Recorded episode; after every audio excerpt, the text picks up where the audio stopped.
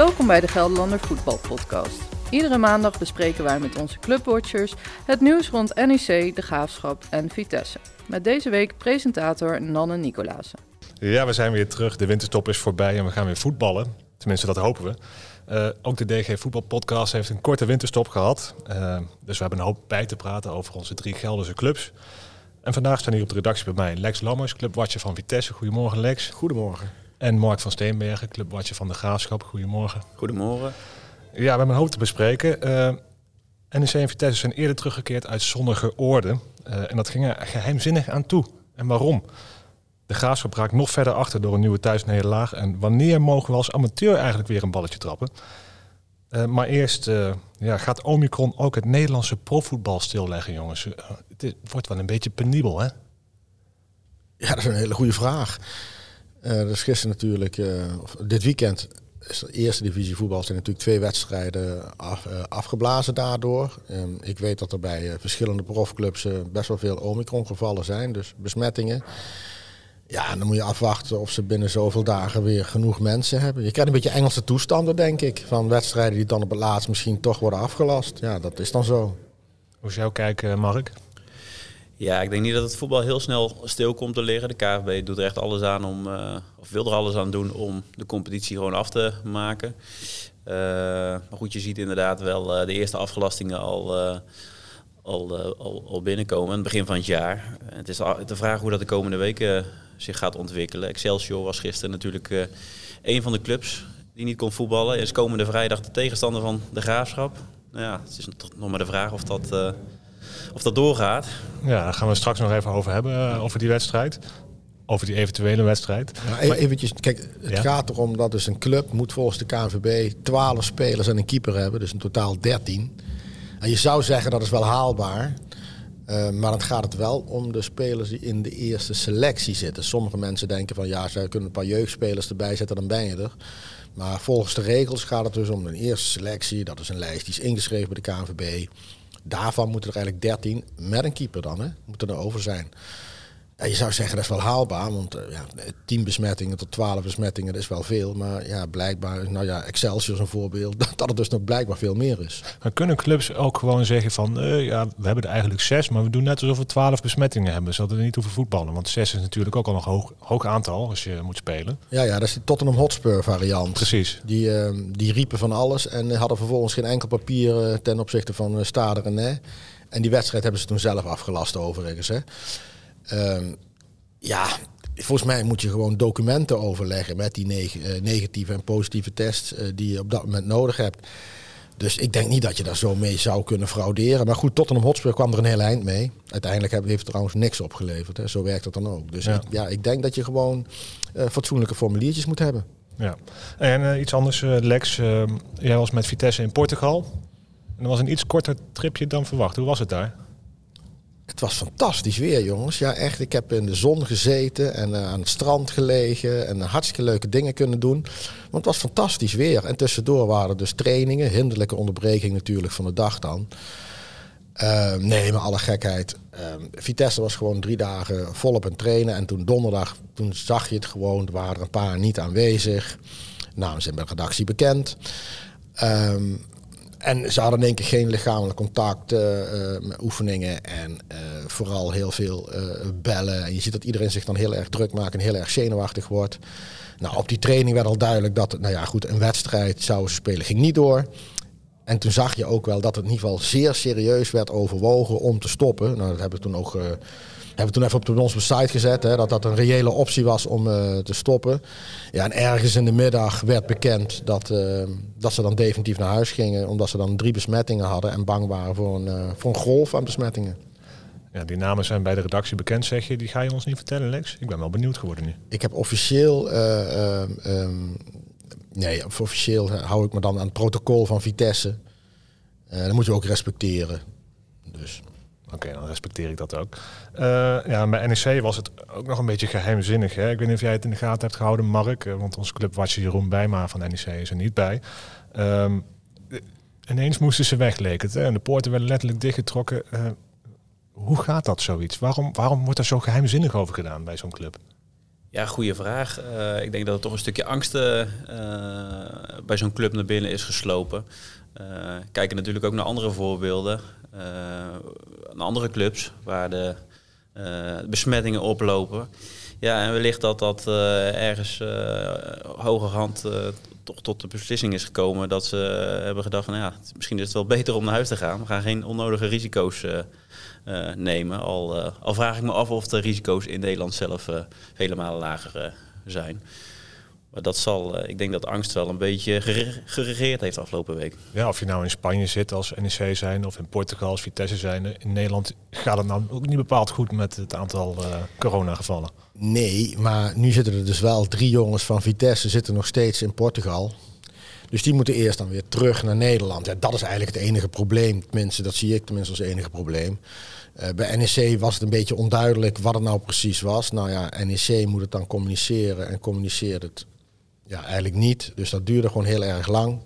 Waarom zeggen ze niet gewoon wat er aan de hand is? Ja, maar dit is de voetbalwereld. Ik bedoel, ook Ajax was uh, uh, zeer geheimzinnig. En die, die vliegen dan mensen terug. Ik las vandaag ergens dat mensen terug zijn gegaan met een auto. Maar dat is natuurlijk gewoon niet gebeurd. Die zijn dan met een vliegtuig opgehaald.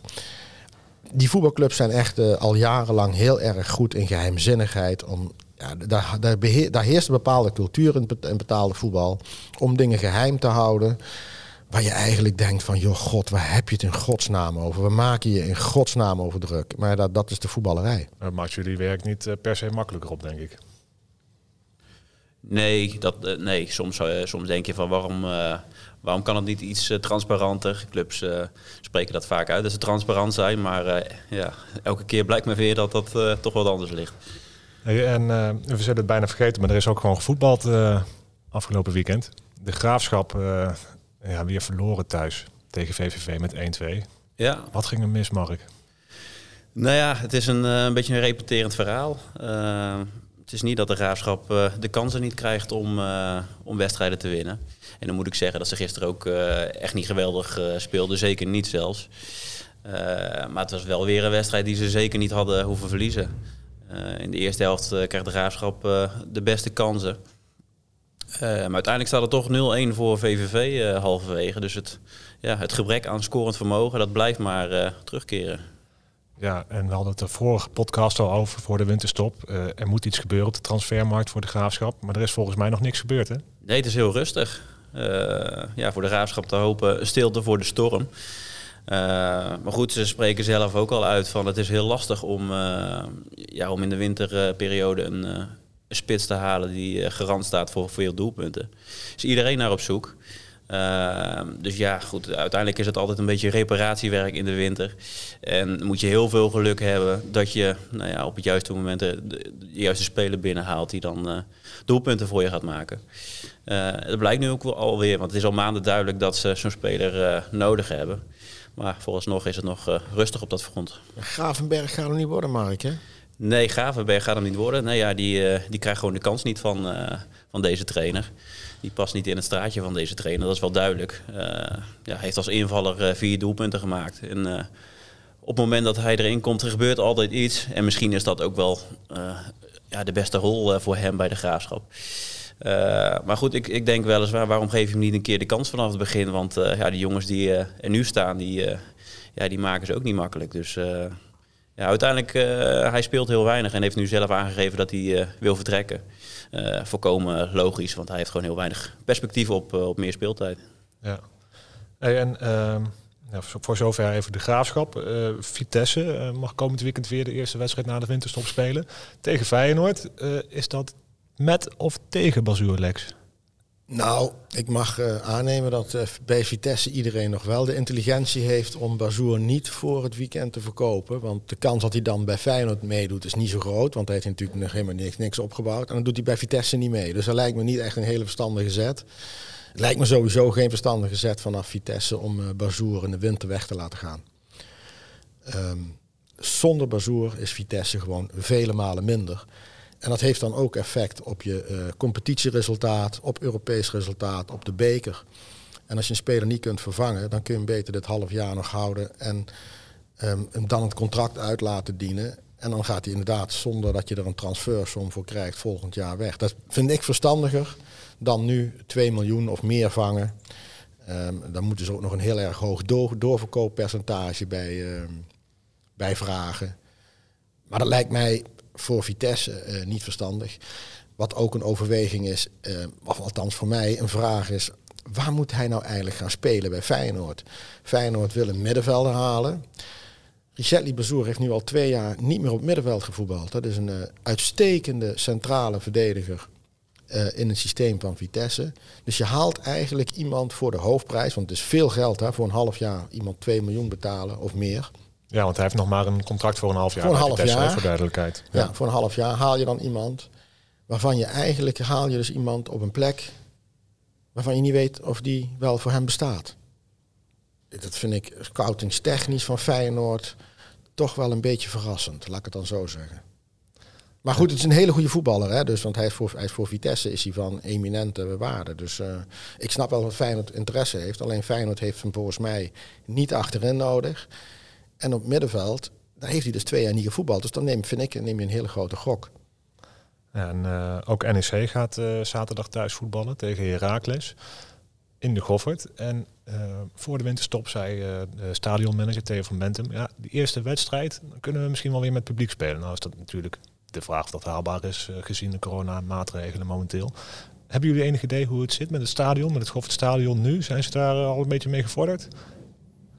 Ze zijn eraan begonnen, weet ik. Uh, de status uh, van de uh, verbouwing, die ken ik eerlijk gezegd niet. Maar nou goed, dat, het feit is in ieder geval dat er voorlopig nog geen publiek in zou kunnen. Dus misschien de, voor NEC wel een, wel, een, wel, een, wel een goede eigenlijk. Dat ze gewoon rustig dat stadion kunnen herstellen. Ja, ze hoeven in ieder geval niet hun eigen supporters teleur, teleur te stellen... omdat ze zelf het stadion niet open kunnen gooien. Uh, maar ja, goed, het is te hopen wel dat er natuurlijk snel weer uh, publiek uh, de stadions in kan. Want ja, de entourage in de stadions is, is ver te zoeken momenteel. is niet veel aan, hè? Nee, is weinig aan. Het is dood en dood en dood saai in de stadions in Nederland. En een koud en winderig. Koud, winderig. En als je dan ziet hoe het in Engeland gaat, gewoon met publiek op de, op de banken bij de FA Cup. Ja, dat missen we hier wel. Ja. Uh, de graafschap, uh, Mark. Vrijdag uit tegen Excelsior. We hadden het er net in het begin al over. Gaat het überhaupt door? Ja, dat is de grote vraag. Dat weet niemand. We krijgen uh, komende donderdag weer een, een testronde. alle spelers worden dan weer getest op corona. En als er moeten blijken ja, of die spelers bij Excelsior die allemaal positief getest zijn, inmiddels weer, of dan inmiddels weer, weer beter zijn. En en kunnen spelen? Ja, dat is de grote vraag. Maar goed, aan de andere kant, bij de graafschap kan er ook zomaar uh, een uitbraak uh, ontstaan. Hè? Dus ja, dat kan, uh, kan bij iedere club gebeuren momenteel. Ja, en, en, winst wordt wel steeds belangrijker hè, voor de graafschap. Want ze staan nu 12 punten achter op de nummer 1, Volendam. komt de promotie überhaupt nog komt die in gevaar? Nou ja, promotie is heel ver weg. Dat is wel een, uh, een ding dat zeker is. Uh, directe promotie in ieder geval. Want uh, ja, de, de, nummers 1 en 2 promoveren direct naar de eredivisie. en het gat met Excelsior, de tegenstander van vrijdag normaal gesproken, is nu zes punten. maar die hebben ook nog een wedstrijd in te halen. Dus nou ja, goed, die wedstrijd is ook meteen wel echt enorm belangrijk voor de graafschap. Willen ze nog iets in die promotierace, dan, ja, dan moeten ze nu gewoon winnen van Excelsior. Maar je hebt ook nog Emmen, je hebt nog Den Haag. Het zijn wel zoveel concurrenten. Ja, ik, dat wordt echt wel een uh, hele tour om überhaupt mee te gaan doen om, uh, om een promotieplek, toch? Zeker, zeker. Ja, dat, daarom zeg ik ook, promotie is, uh, is heel ver weg. Zeker omdat de graafschap gewoon veel te wisselvallig is. ja, ze hebben, als je denkt dat ze een goede fase hebben, dan is het een week later alweer... Uh, alweer minder. Ja, vooral in thuiswedstrijden uh, presteren ze gewoon uh, zwaar onder de maat. Nu al drie keer op rij verloren en in de laatste zeven wedstrijden op de Vijverberg één keer gewonnen. Nou ja, dat zijn natuurlijk cijfers voor de graafschap. in de eerste divisie dan ook nog. Ja, die, die echt dramatisch. Ja. ja. dat kun je haast niet voorstellen. In de eredivisie zou, dat al, ja. zouden dat al slechte cijfers zijn. Maar nu, nu helemaal natuurlijk. En dat is, ja, dat is natuurlijk het grote probleem. De graafschap loopt er nu achteraan. En wat is nu de garantie dat ze uh, in de rest van het seizoen wel al die punten gaan pakken? Ja, ik zie, uh, ik zie het niet. Ja, hopelijk uh, vinden ze voor de graafschap deze winterstop nog een, een scorende spits. Die ja. wat, wat er kan veranderen. En dan nog even amateurvoetballers. Die staan ook weer te trappelen natuurlijk. Komen die nog aan voetballen toe dit seizoen? Ik denk dat die nog wel even staan te trappelen. De, ja, dat, ik weet niet of dit seizoen wordt gevoetbald, maar ik kan me niet voorstellen dat nu de maatregelen dan zo snel versoepeld worden. En dan moet je nog drie weken erbij tellen voordat die weer een keertje kunnen gaan, uh, kan, kan, kan, kunnen gaan voetballen. Want die moeten goed, zich goed voorbereiden. Dus uh, ja, de KNVB heeft het programma nu uitgezet voor 5 februari of 5, 5 en 6 ja. februari. Ja, ja ik, vind dat, ik vind dat zeer optimistisch, maar misschien zit ik er helemaal naast hoor. Ik hoop het voor iedereen. Ja, ik vraag me ook af wat, uh, waar de KVB nu uh, achter de schermen al mee bezig is. Uh, of ze überhaupt al ergens mee bezig zijn met het maken van plannen voor, nou ja, goed, als er 5 februari dat weekend niet gevoetbald kan worden. En daar lijkt het sterk op. Ja, ik denk dat de KVB onderhand moet gaan nadenken over een alternatieve competitie. ja. Kunnen we niet in de zomer doorvoetballen langer? Want de competities van de meeste amateurs die eindigen vrij vlot. ergens in mei geloof ik, als ik het goed heb. Ja, zeker doorvoetballen in de, zeker in de maand juni, dat, uh, dat moet mogelijk zijn. En dat, uh, dat biedt ook nog wel enige ruimte om de competities af te maken. Maar goed, er zijn gewoon clubs die nog, uh, ik zeg even uit mijn hoofd, 23 wedstrijden moeten spelen. Nou ja, Succes. Ja, succes inderdaad. Wanneer gaan we weer beginnen? En los daarvan, eh, ook dan kunnen er nog, eh, nog steeds uh, coronabesmettingen volgen natuurlijk, waardoor wedstrijden worden uitgesteld. Dus dat wordt heel ingewikkeld. Ja, ja, een hoop vragen nog. Die hopen we, nou ja, ik weet niet of dat al kan, maar volgende week uh, te beantwoorden in onze nieuwe aflevering. Ja, volgende week zijn we er gewoon weer bij. Uh, met onze De Gelderlanden Voetbalpodcast met nieuws over onze drie Gelderse clubs. Luister alle afleveringen terug op dg.nl slash podcast.